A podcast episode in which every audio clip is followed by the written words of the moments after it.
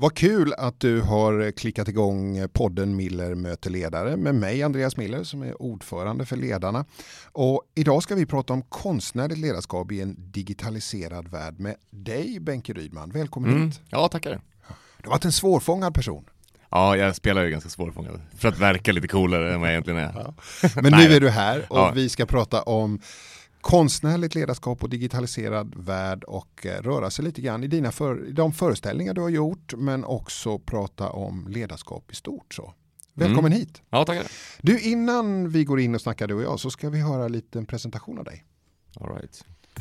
Fredrik Benke Rydman är koreograf och dansare utbildad på Balettakademin och en av grundarna till den svenska streetdancegruppen Bounce Street Dance Company som startade 1997 med flera succéuppsättningar.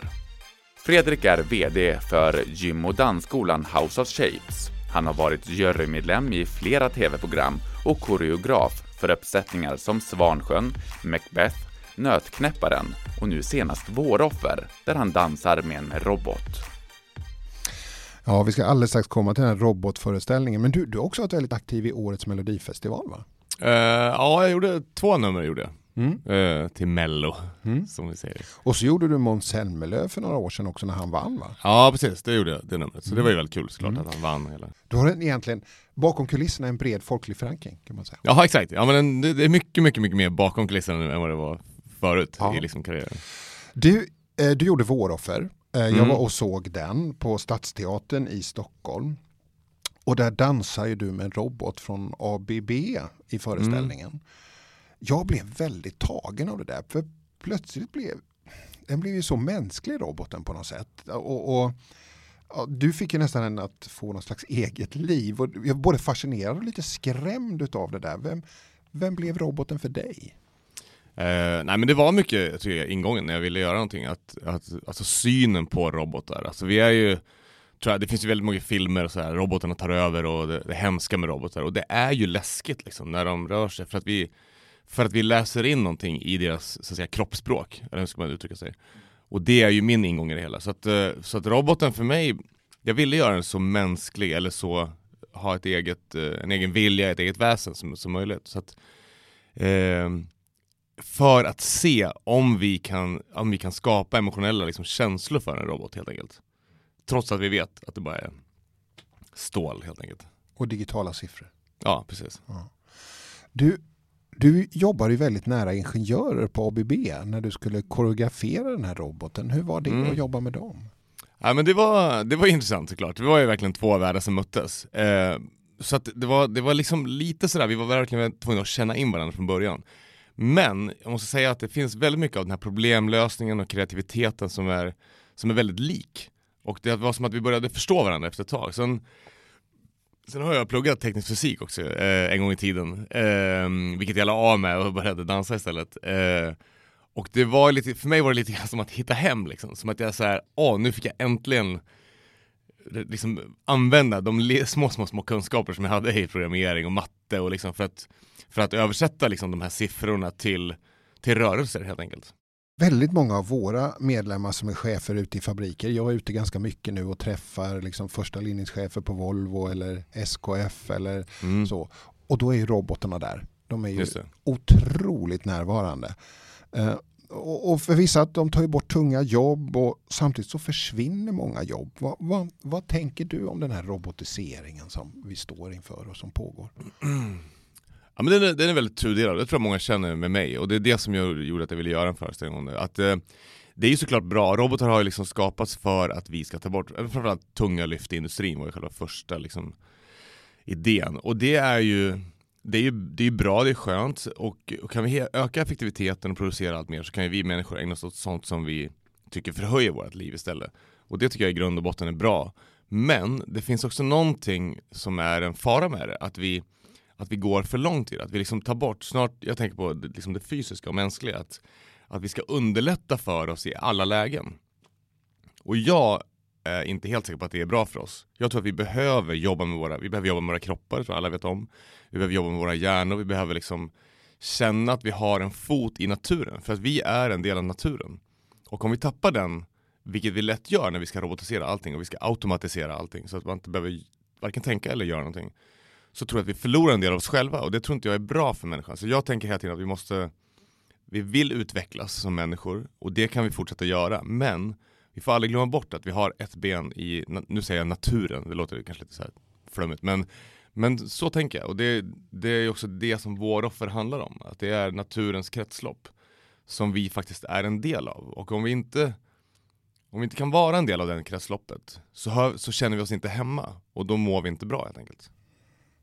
Och där på scenen så skapade du ändå en relation med roboten. Vad, vad ville du där? Ville du att ändå att jag, ja men som jag kände där, där jag satt i bänken, att oh, det är ju nästan människa det här. Fast jag vet ju samtidigt att det inte är det. Ja, nej men det var väl det som jag tänkte att i den liksom, tiden vi lever i nu så, så står vi inför ett, ett, ett en tröskel liksom till att komma in till där robotar blir mer och mer närvarande i våra liv och just det här med, med, med, att vi liksom en gång ska dö allihopa liksom. Det är ju att vi, vi gör ju nästan allting för att förlänga livet hela tiden.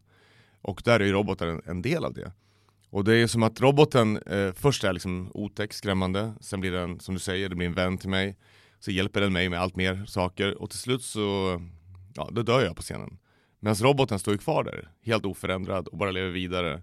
Skulle koreografen kunna bli digitaliserad eller robotiserad? Alltså jag känner att jag har ju typ världens framtidsjobb. För att, för att det går inte att, eh, tror jag, göra robotisering av, av dans eller teater. För att i dans och teater så kommer det mänskliga felet in. Och eh, det går säkert att programmera in så kallade mänskliga fel i, i robotikrörelser också och i, i automatisering. Men du kommer aldrig uppnå den där, liksom, den där felaktigheten som gör att det blir konst. Liksom. Och det tror jag är, jag tror att det är värsta framtidsyrket om jag ska vara helt ärlig. Och värsta menar du det bästa? Ja, det bästa, bästa såklart. Ja, ja, men det bästa, ja. ja. absolut. Men du, var du orolig någon gång där på scenen? För det var ju, det var ju ganska häftiga rörelser som roboten gjorde och du rörde dig i relation till den och så. Jag tänkte det, var du orolig mm. för att den skulle ja, liksom programmera ur sig plötsligt, eller balla ur? Liksom? Nej, egentligen inte. Och vi har ju jättemycket säkerhetssystem kring det där. Jag känner mig aldrig orolig. Men jag ska säga att när jag väl började processen, och jag höll på i tre månader i ett garage i Västerås och satt och instängd där och programmerade. Eh, då var det ju såklart läskigt. Och var, men för mig var det en upplevelse, för det är ju det som vi människor känner när vi ser de här stora liksom, maskinerna. Mm. Och, eh, eh, Vad var det som var läskigt? Jag tror att det är det, det, det, du kan inte läsa av vad som ska hända. För att en robot har en rörelsemönster som inte är, jag menar djur kan vi läsa av och vi uppfattar vissa djur som kanske är läskigare, som har en viss typ av rörelser. För att vi liksom har lärt oss det. Och roboten är ju väldigt, även om den är väldigt bestämd vad den gör, så vet vi inte vad som ska hända. Och det, det är någonting i deras rörelsesätt som känns väldigt oläsbart. Och då, det tror jag är liksom det läskiga. Ja, det läskiga. Du är ju inte bara dansare och koreograf, Benke Rydman, utan du är också ledare. Faller det sig mm. naturligt för dig att vara en ledare? Ja, alltså så här, jag tror att jag har en naturliga ledaregenskaper, liksom, men det är ju jag tycker inte att det är kul. Du tycker inte det är kul? Nej, fy fan. Jag skulle verkligen eh, välja bort alla dagar i veckan om jag kunde. Men du, varför, varför det? För att man blir väldigt ensam som ledare. Jag känner, jag känner inte att jag är en del av gruppen eh, när jag är ledare. Och det är någonting som jag tycker är väldigt viktigt, det är väldigt viktigt för mig att känna det. Varför Samtidigt... måste du bli ensam som ledare då?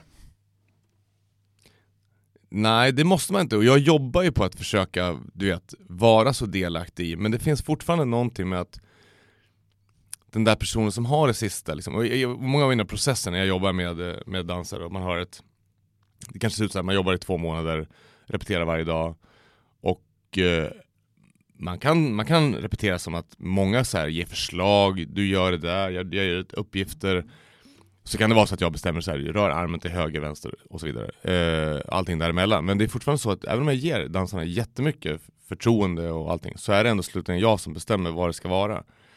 Och någonting i det där gör ju att det blir en eh, skillnad i kontakten. Mm. Och samtidigt är det ju så att du med dina föreställningar har ju satt en väldigt tydlig prägel på dem. Jag menar om jag går och ser dina föreställningar så kan jag ju direkt se att det, det här är du. Det är du som har gjort det här. Så det måste, ja. finnas, det måste finnas någonting i dig som verkligen vill besluta om det ska vara höger eller vänster på slutet. I armbågen. Ja, precis. Jo, absolut.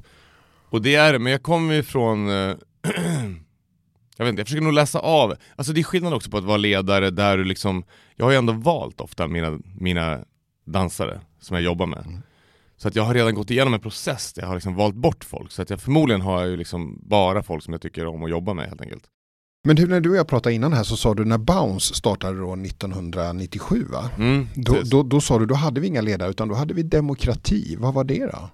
Eh, ja men vi var ju sju personer som startade. Vi startade som ett kompisgäng och så eh, ville vi egentligen bara träna och lära oss av varandra från början. Så det var hela ursprunget. Och sen så växte det där i tiden, vi sa ja, vi har en föreställning, ja det är kul.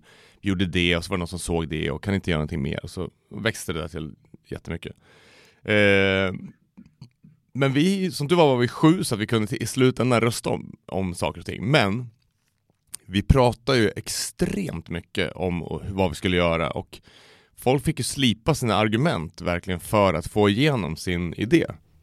Och, eh, Så ni hade någon slags kollektivt ledarskap i den där gruppen då? Ja men det kan man säga.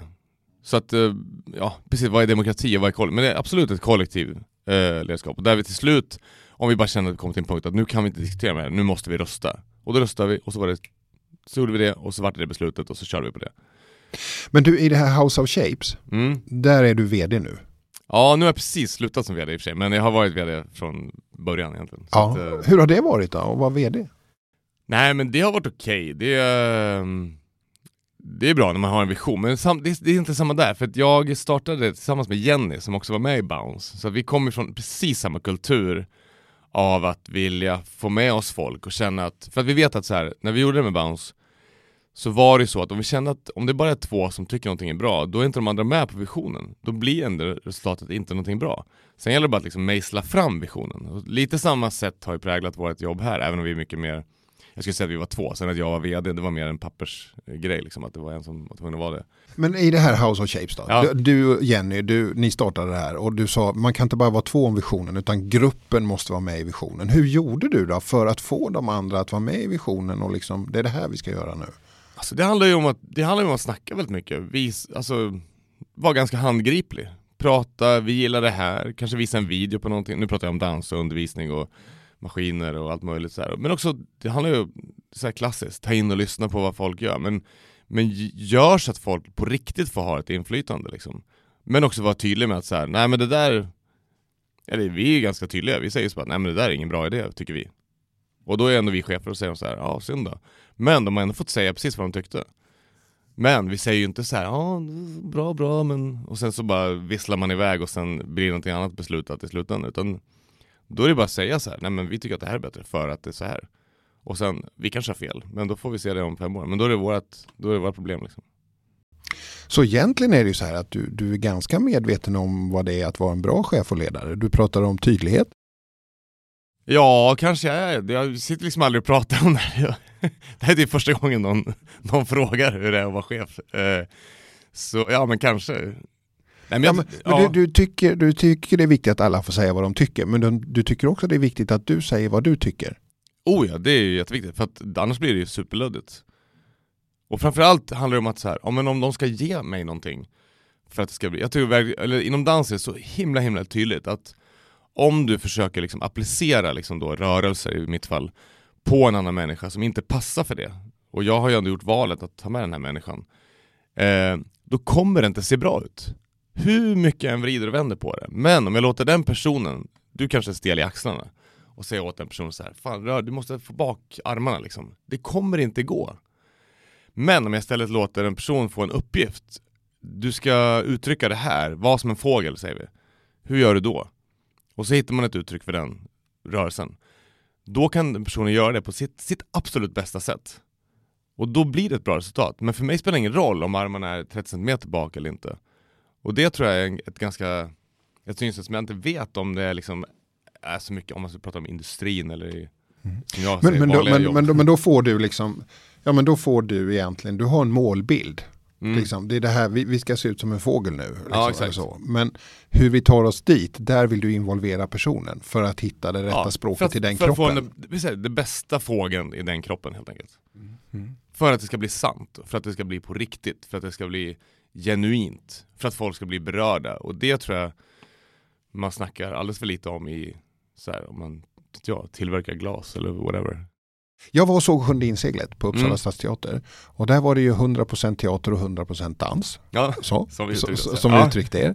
Eh, Men då, det där var jag lite nyfiken på. Hur får man jag tänker hur får man skådespelare och dansa och dansare att läsa repliker eller liksom bli skådespelare? Hur, hur jobbar du för att få båda att röra ja på just det. sig? Det var ju, det var ju, eh, det var som att vi bara liksom bjöd in dem till att känna förtroende. För att om du är skådis och inte har dansat så måste du känna så här att du får inte gå runt och bara känna att du så här, alltså jag suger på att dansa liksom. Kan inte, kan inte jag bara få prata istället? För det är det jag kan. Och vice versa liksom. Så att, att då liksom visa att jag är ganska dålig på, jag är inte jättedålig, men att jag är liksom sämre då på att, att behandla texten. Så visar jag att jag inte kan, men jag kan fortfarande ha jävligt bra idéer. Det, det gör att det finns ett utrymme för den personen att, att då dansa. Och inte vara världsbäst på det, men känna att det finns, här finns det space för mig att, att uttrycka någonting, att vara, ta plats. Så det tror jag är en viktig del, att, att våga visa att ja men här kan inte jag allt, så att fan, här måste du fylla i lite. Mm, mm. Helt enkelt. Man brukar säga, det är liksom eh, afterski mentaliteten. När alla är liksom, man kan vara så här, ja men du har den där skjortan på dig, jag har keps, du har glasögon, du är något äldre än mig. Vi lägger alltid in olika värderingar, men när vi kommer på afterskin, då, står, då är alla lika svettiga och fula i liksom underställ. Vilket gör att vi kan tycka att pissdålig musik är skitbra tillsammans. Så når vi liksom en, en gemensam eh, ja, vibb och liksom energi helt enkelt. Och jag tror att det har mycket att göra med det, att man, man måste hitta den där våglängden där alla tunar in på samma. Det är intressant med dig.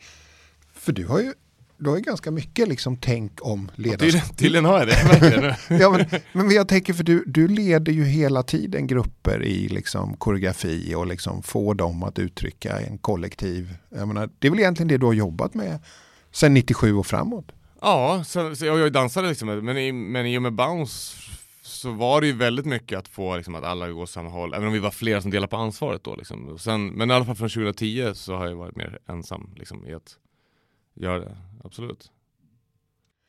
Vad, vad är det som har gjort att du inte har pratat om ledarskap då? Tror du? Liksom så. Nej, jag, är inte så intresserad tror jag. Alltså det är kul att prata om det nu tycker jag. Ja. Men det är inte så att jag liksom brinner för det, du vet. Fast samtidigt brinner du ju för det på ett sätt därför att du vill göra saker. Exakt. Så jag måste ju liksom För du har, du har, det, när du beskriver vilka idéer du har när gruppen ska röra på sig, det är ju väldigt mycket ledarskap. För hade du inte haft de där idéerna till exempel på Uppsala stadsteater, då hade det väl ett pannkaka av alltihop. Liksom. Jo men, alltså förmodligen i alla fall ett sämre resultat, det tror jag nog. Nej men det är ju, det är, jag tycker det är superkul att prata om det nu, för det är ju någonting som man måste ta med sig och liksom men Jag funderar ändå på hur kan jag bli, hur kan jag få nå ett bättre resultat med de verktygen jag har helt enkelt? Benke, vi börjar närma oss Rydman, vi börjar närma Mm. oss slutet av det här poddsamtalet. Det har varit väldigt kul att prata med dig. Jag tror Ja, vi tillsammans har upptäckt lite saker. Ja, faktiskt. verkligen. Då, då känner jag mig nöjd. Ja. Men du, eh, om du skulle vilja ge chefer och ledare ett råd, vad är, vad är ditt råd till chefer och ledare? Oj vad svårt. Jag vet inte, jag, jag kan ju bara liksom eh, tänka utifrån mig själv vad jag tycker är, gör liksom värt att leva överhuvudtaget och det är ju att man hittar det som intresserar en och gör att man har kul liksom. Om man inte om man inte gör det och kan liksom förmedla det i sin närhet så tror jag att då dör man som människa liksom. Så att försöka hitta dem, det som faktiskt glädjer dig och intresserar dig, då tror jag att du vinner, då, då, då kan du liksom överföra det på andra människor och då, då besvarar de dig också. Och det är där hela liksom synergi, eller hela, att vi växer tillsammans, liksom effekten sker.